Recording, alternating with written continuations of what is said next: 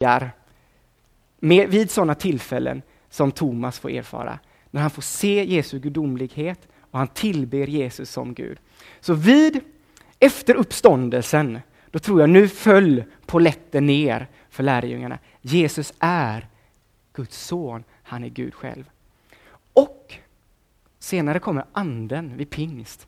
Anden fyller hela församlingen och kommer så konkret. Och jag tror att då fattar de också att, ja men vänta lite, om Jesus är Gud så är också anden Gud. Så jag tror det här har funnits med hela tiden från början.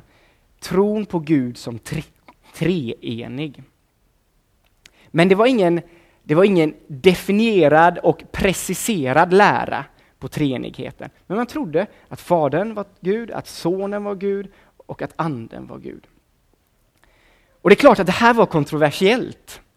För kristendomen kommer ju ur den judiska tron som är monoteistisk, där man tror på en Gud. Och hur fick man ihop det här? Och ganska snart kom också kritiska röster mot det här. Hur kan ni säga att Fadern är Gud, äh, fadern är Gud, det var alla med om. Hur kan ni säga att Sonen är Gud, att Anden är Gud? De kritiska rösterna kom. Och på 200-talet så var det, florerade det massa olika såna här teorier om hur man ska förklara detta med, med, med inte med treenigheten, men med Jesus och med anden och sådär. Och nu får ni en liten lektion här. Vi har modalismen. Vad säger de? Det var en lärare som sa att Gud har visat sig på tre olika sätt. Gud består inte av Fadern, Anden och Sonen, utan Gud spelar någon typ av skådespel. Ena sekunden, tada, så har vi Anden. Tada, så kommer Sonen. Men det är bara en person i Gud. Gud är en person som spelar någon typ av skådespel, uppenbarar sig som Fadern, som Sonen och som Anden. Men Gud är inte treenig. Modalismen. Sen har vi dynamismen. Den sa att ja visst, Jesus är gudomlig, men det här skedde senare. Det skedde när anden kom över Jesus vid dopet, ni vet, när anden sänkte sig. Det här, detta är min son, och så vidare. Då blev Jesus gudomlig. Dynamismen, också vanlig lära under den här tiden. Ebionismen, det betyder de fattiga. De som sa att Jesus var bara en profet. Visst, han var en profet, han var en viktig profet, men han var bara en profet. Och flera av de här lärorna, varför pratar jag om detta? För att, jo, för flera av de här lär, lär, lärorna, de har en tendens att liksom poppa upp i kyrkohistorien. Jag menar, ebionismen, den är ju väldigt tydlig i islam. Jesus, vi älskar Jesus, kan man höra muslimer älska, säga. Vi älskar Jesus. Ja, men han är bara en profet. Han är bara en profet. En annan sån lära som kanske var den största och som hotade kyrkan var arianismen, Arius som spred den här. Och det sa, att, sa också att Jesus var gudomlig, men att Jesus var en gudomlig varelse som var skapad i början. Alltså var han egentligen inte Gud. Men ungefär som en ängel, eller lite bättre än en ängel kanske. Men han var inte Gud. Arianismen. Och det här finns också idag fortfarande i Jehovas vittne. Så de här, de här lärorna de poppar upp. Och det är bra att ha dem i, i eh, medvetandet så här. Och det här hotade kyrkan som inte hade än hunnit sätta sig ner och liksom avgränsa vad vi ska tro på när det kommer till treenigheten. Och ni får försöka leva er in i situationen. Kyrkan lever under förföljelse under den här tiden. De har inte haft någon möjlighet att ha några stora möten och, och prata samman om, och avgränsa läran. Så därför hotade faktiskt arianismen framför allt den kristna kyrkan vid den här tiden. Men när möjligheten ges när Konstantin på 300-talet, kejsaren, blir kristen och helt plötsligt så avtar förföljelsen mot de kristna. Då direkt så samlas hela kyrkan på ett möte. Och det är konciliet i Nicea 325. Lite kuriosa, det var 318 biskopar som samlades från hela romarriket och den kristna världen. 318 biskopar. Utöver det massa präster och diakoner. Det var en enorm skara. Och kyrkohistorierna beskriver den här skaran som och det är bra att påminna sig ibland, för ibland tänker vi att det här är ett gäng korrupta politiska ledare, kyrkopolitiska ledare som äntligen har fått makt. Liksom, och nu ska, ja, det är den bilden man ibland ger Då. Men de biskopar som samlades 325, år 325 i Nicea, det var de som hade genomgått förföljelsen. Det beskri kyrkohistorierna beskriver att, att en av biskoparna hade tappat ett öga under förföljelsen. En annan så hade bara en arm. Det beskrivs som en skara av martyrer som hade samlats. De, hade, de biskopar som samlades, och präster och diakoner, de hade fått lida och dö för tron på Jesus som Gud. Det var vad som hände, det var vad som skedde. 325. 325 bestämmer man att sonen är Gud. Man avgränsar mot arianismen. Sonen är Gud. Och sen 381 kommer ett annat viktigt möte i Konstantinopel och då man också slår fast att anden är Gud. Och nu har vi kommit fram till att Gud är tre personer i en natur. En Gud, monoteism, men den enda guden existerar i tre personer, Fader, Son och helig Ande. Men ett väsen. Här har vi treenighetsläran.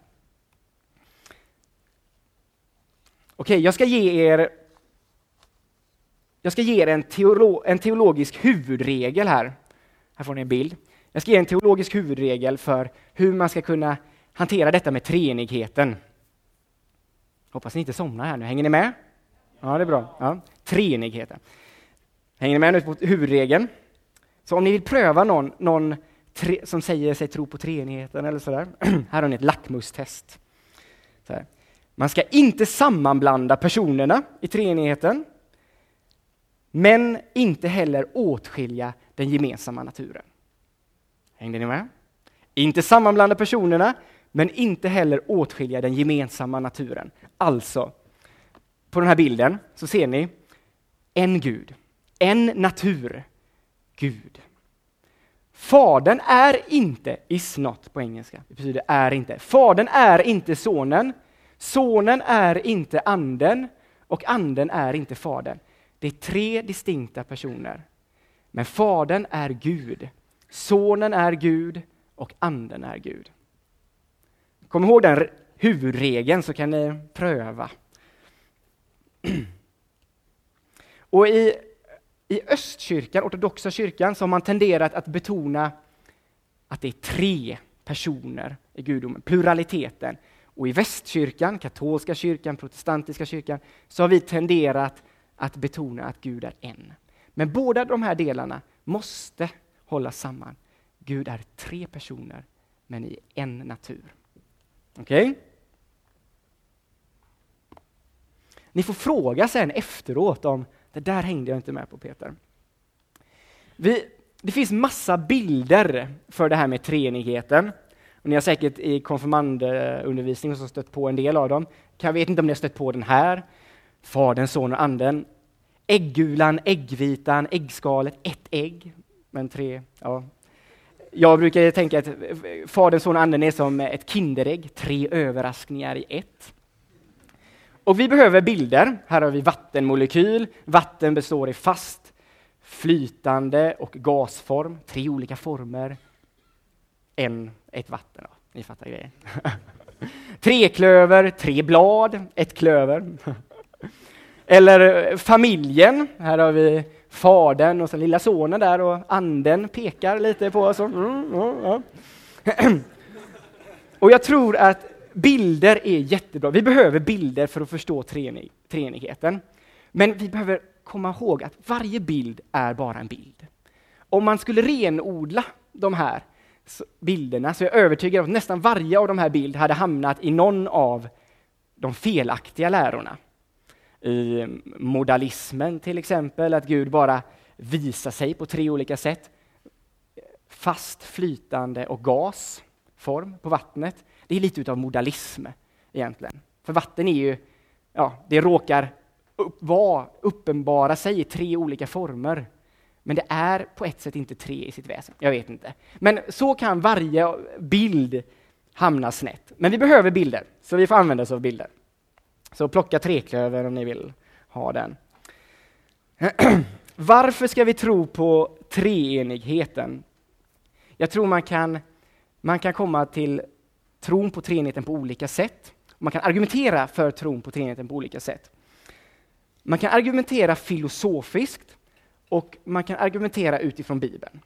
Filosofiskt, då försöker man utan att bara utgå från Bibeln, så försöker man förstå varför skulle Gud vara treenig? Hur kan vi genom att bara titta på skapelsen, på tillvaron, förstå att Gud är treenig? Och bibliskt, vi kan utgå från att Gud har talat till oss, Gud har uppenbarat sig i Bibeln som Guds ord och Gud har uppenbarat sig framförallt i Jesus Kristus. Och utifrån det så argumenterar vi för treenigheten. Och jag tänkte att vi ska titta på, lite på båda sätten, filosofiskt. Vi börjar i den filosofiska. Treenigheten. Några grundläggande frågor för oss människor är vem är jag? Vad är en människa egentligen? En annan, sån grundläggande fråga är Vad är kärlek? Finns kärlek egentligen? Och jag tror alla av oss har tänkt på de här frågorna någon gång. Och har ni inte det så behöver ni börja tänka på de frågorna. Vad, vem är jag? Vad är en människa? Vad är kärlek? En sak som jag fattade någon gång i, i, i högstadiet, gymnasiet, är om Gud inte finns, då är jag är egentligen bara en inbildning, en illusion. Det att jag känner mig som en person, att jag tittar ut ur de här ögonen just nu, att jag tänker, att jag älskar, det är bara en inbildning. Det är atomer som hoppar i min hjärna, som får mig att tro att jag är ett jag, att jag kan välja. Varje val är egentligen kemi. Det handlar om att kemiska reaktioner har skett, hormoner har agerat i min kropp, signalsubstanser i hjärnan har gjort att jag agerat på ett visst sätt. Det är resultatet om Gud inte finns. Och det blir likadant med kärlek. Kärlek är också bara det är kemiska reaktioner. Om jag ser en snygg brud på gatan, trots att jag är gift, säger min kemiska reaktion, oh, henne vill jag ha. Ja, då kan jag gå iväg med henne. Det är bara kemin som agerat, eller hur? Jag kan lämna min fru, följa kemin, Kärlek är också bara en illusion. Det är atomer som hoppar i min hjärna. Vi är slavar under materian om Gud inte finns. Jag köper inte det. Jag, jag, tror inte att det är så. Jag tror att jag finns, att jag är en person och jag tror att kärlek är något mer än kemi. Att jag har ett ansvar, att jag älsk, kan älska. Ja. Hur hänger detta ihop med treenigheten? Jo, om Gud finns, då, är kär, då kan kärlek vara mer än kemi. Om Gud finns kan personlighet vara mer än kemi. Men frågan är om det räcker ens att Gud existerar. Måste inte Gud också vara, nu får jag hänga med mina anteckningar här. Måste inte Gud också vara en monad? Nej, förresten, förlåt, tvärtom. Om Gud är en monad, kan han då vara kärlek? Vad är monad? De gamla filosoferna, pythagoreerna, talar om detta. Monad, det är en odelbar enhet. Om Gud inte går att tala som Fader, Son och Ande i olika delar, då är han en monad. Men kan man då verkligen säga att Gud är kärlek? Att kärlek existerar från evighet? Nej. Kräver inte kärleken att det finns minst två subjekt? Minst två jag. Minst två personer. Eller hur? Jag kan inte bara liksom i någon älska mig själv i evighet utan att ha träffat någon annan. Kärlek uppstår i mötet av två personer. Där existerar kärlek. Om Gud är treenig, då kan kärlek existera från evighet. Det här är spännande. Nu blir det riktigt spännande. Om Gud inte är det, så kan inte kärlek... Det står i Bibeln att Gud är kärlek. Att Gud i sitt väsen är kärlek. Hur kan han vara det? Från evighet? Jo, för att Gud består av Fadern, Sonen och Anden. Gud var inte tvungen att skapa för att kunna älska. Gud älskade i sig själv, från evighet. Fadern älskade Sonen, som älskade Anden, som älskade Fadern. Från evighet.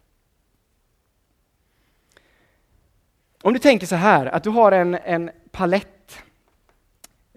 Det är en sån som en konstnär lägger sina färger på. Om du bara har svart och vitt på den här paletten, då kan, kommer du aldrig kunna få rosa eller lila, eller hur?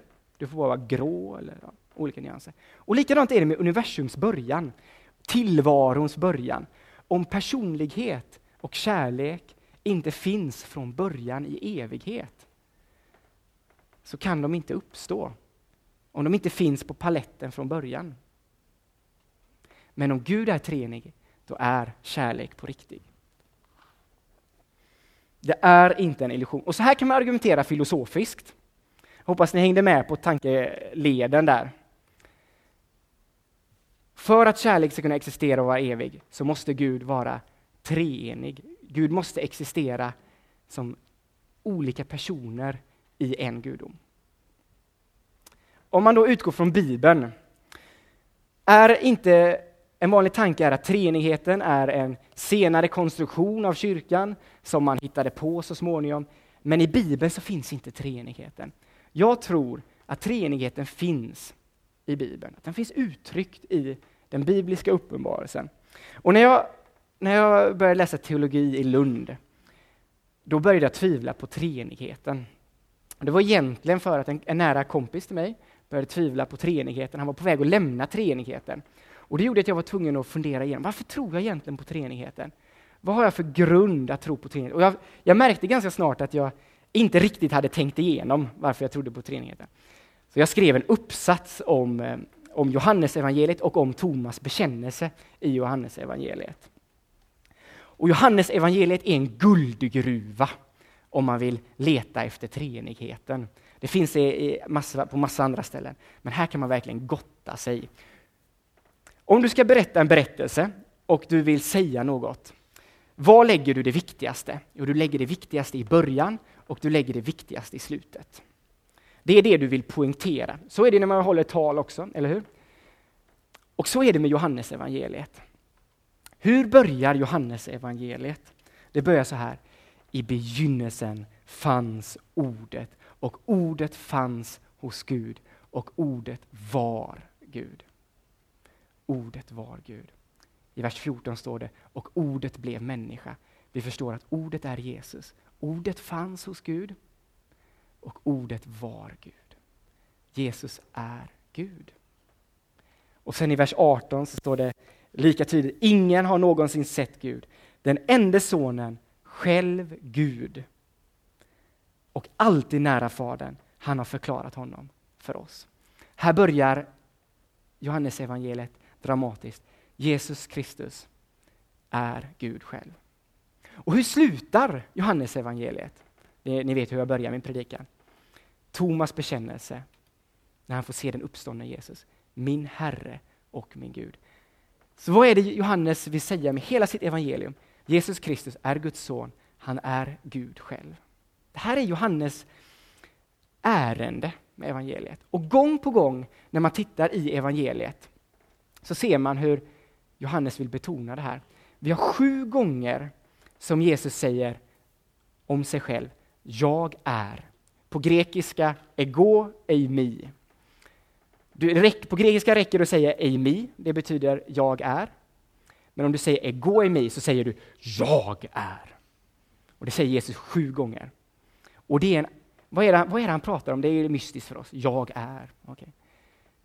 När Mose mötte, Jesus, när Mose mötte Gud i busken i Gamla Testamentet, så frågar Mose, okej, okay, nu ska jag snacka med, med de andra om att vi, vi ska gå ut ur Egypten och så här. Men vem, vem ska jag säga har pratat med mig? Och hur presenterar Gud sig själv? Jag är. Så Jesus säger om sig själv, jag är Gud. Jag är. Abraham, Isaks och Jakobs Gud. Jag är Gud. Jesus säger också i evangeliet, jag och Fadern är ett. Och vid, något av till, vid flera av tillfällena som Jesus håller på så här och säger jag är, eller jag och Fadern är ett, så blir de judiska ledarna de blir vansinniga på Jesus, för de förstår vad det är han säger. Så de plockar upp sten för att stena Jesus, för han har härdat. Han har sagt att han är Gud själv. De förstod vad Jesus sa, att han är Gud själv. Och vid flera tillfällen i, i evangeliet också så ser vi både Fadern, Sonen och Anden. I Johannes 14, ett exempel, så säger Jesus här, jag ska be Fadern och han ska ge er annan hjälpare som ska vara hos er alltid, sanningens ande. Jag ska be Fadern, Sonen ber Fadern om hjälparen, Anden. Fadern, Sonen och Anden. Genom hela evangeliet kan ni se det. Så ta, om ni vill studera treenigheten, ta Johannes evangeliet, läs det från början till slut och stryk under allting som ni hittar. Här, eller eh, rita en triangel. Vi kan se i Bibeln att Jesus trodde om sig själv att han var Gud. Jesus visste att han var Gud. Och de första kristna trodde detta. Treenigheten finns i Bibeln. Så vi har både en filosofisk och en, en biblisk grund för treenigheten. Om ni inte hinner anteckna så kan ni, ni kan prata med mig sen eller något. Men vad gör treenigheten för skillnad i våra liv? Och det, är, det är lätt att treenigheten blir teoretiska spekulationer för att liksom avgränsa vad det är vi tror på. Och jag tror det är viktigt. Men vad, på vilket sätt angår det mig som kristen att Gud är treenig? Den, vad vi tror om den yttersta verkligheten, det påverkar allt. Om jag tror att den yttersta ver verkligheten är atomer och molekyler som exploderat bara, då påverkar det hur jag lever mitt liv och vad jag tänker om andra, vad jag tänker om kärlek, vad jag tänker om personlighet. Och om den yttersta verkligheten är treenig, då betyder det att den yttersta verkligheten består av personer. Den yttersta verkligheten är kärlek. Den yttersta verkligheten är gemenskap. Och när Jesus får frågan, vad är det viktigaste budet i lagen? Vad säger Jesus? Han säger, älska Herren, din Gud, av hela ditt hjärta, med hela din själ och med hela ditt förstånd och din nästa som dig själv. Vad är meningen med livet? Det är att älska Gud och att älska andra. Precis. Livet handlar om relationer. Livet handlar om gemenskap. Livet handlar om att älska Gud och att älska varandra. Och Jag tror vi, vi, vi känner på oss det här. För vad är det som kan göra mest ont i våra liv? Det är när relationer går sönder, eller hur? Om vi blir lämnade. Om någon väljer att älska någon annan istället för mig. Om familjer går sönder, äktenskap bryts sönder. Det gör så ont om vi förlorar någon vi älskar.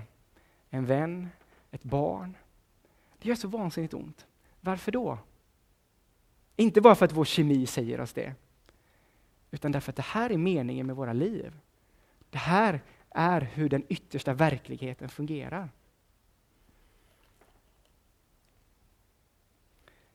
Och om du sitter här med en, en trasig familj, du kanske våndas för att åka hem. Då är treenighetens budskap in i våra liv, det är att det finns en familj för dig. Det finns en Gud som är Fader, Son och helig Ande, som har älskat dig från evighet. Som ser dig och som älskar dig. Om du inte får kärlekslivet att gå ihop, du längtar efter en pojkvän eller flickvän, du har blivit dumpad. Vad är treenighetens budskap? Det är att det finns en som har älskat dig från evighet. Gud Fadern, Son och helig Ande. En som älskar dig. En som vill vara din första kärlek. Som vill ge dig kärlek. Att bli kristen handlar inte om att säga att jag, jag tror på vissa saker bara. Utan att bli kristen utifrån treenigheten handlar om att vi inbjuds till en familj. Vi inbjuds till en familj, till en gemenskap. De kappadosiska fäderna, som var väldigt viktiga för utformningen av treenigheten på 300-talet, och jag har längtat hela kvällen efter att säga de här namnen, Gregorius av Nyssa, Gregorius av Nasians och Basilius av Caesarea. Det är mäktiga namn. De kappadosiska fäderna, de beskrev treenigheten så här, att det var som perichoresis. Vilken uppenbarelse! Perichoresis. Det betyder på grekiska rotation. Gud är inte ett statiskt ting som en stol. Gud är inte det, utan Gud är en rotation. Sug på den. Gud är en rotation. Med, av Faderns kärlek till Sonen som älskar Anden, som ödmjukar sig för Fadern, som vill visa på Sonen, som ärar Fadern och sätter Fadern högst, som sänder Anden. Som, det är en rotation. Gud är en rotation. Och Gregorius av Nasians, han beskriver treenigheten så här, att Gud lägger sin högra hand på din vänstra axel. Det är sonen. Och han lägger sin, sin vänstra hand, anden, i din högra hand. Ser ni bilden? Vad är det? Det är en dans. Vi inbjuds till en dans.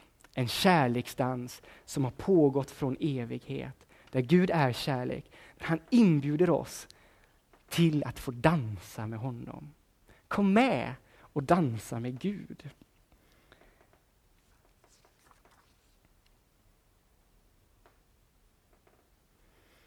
Fadern, han har skapat dig. Han har en mening med ditt liv.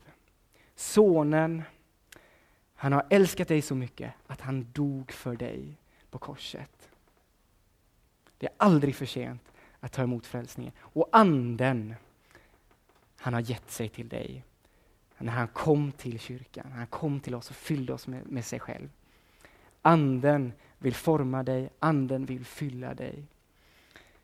Gud bjuder upp till dans. Det är vad treenigheten handlar om. Välkommen med. Vi ber tillsammans.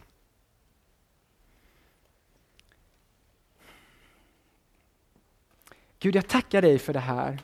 Att det vi känner på oss att våra liv handlar om, kärlek och relationer, gemenskap, att det stämmer. Att det är sant. Att det här är vad livet handlar om. För att det är vem Gud är. Att du säger inte att vi ska älska varandra och, och, och älska dig bara som ett bud, utan du säger det för att du är sån från evighet. Att du har älskat från evighet. Att du är treenig, att du är tre personer i en Gud. Tack för det fantastiska med treenigheten. Och tack för att du nu bjuder upp oss till dans. Och jag ber att vi ska under det här lägret, att vi ska våga ta Andens hand när den sträcks mot oss. Att vi ska våga ta emot Sonens hand när den sträcks mot oss på korset. Och att vi ska våga säga ja när du bjuder upp, Herre. Tack för det äventyr som du bjuder in oss i. Det treeniga äventyret med Fadern, Sonen och Anden. Och tack Gud också för att du ser var och en som, som tvivlar, som funderar över tron och som sitter just nu kanske och tänker att, och känner att det här bara låter så overkligt. Tack för att du ser den personen, Herre. Och tack för att du av det kan göra den mäktigaste bekännelsen, precis som du gjorde med Thomas. Och tack för att vi får vara ärliga och säga, jag, jag kan inte tro på det här, att det är helt okej. Okay. Och att du ser oss, att du älskar oss, Herre. Kom heliga Ande, visa Sonen så att Sonen får föra oss till Fadern. I Jesu Kristi namn. Amen.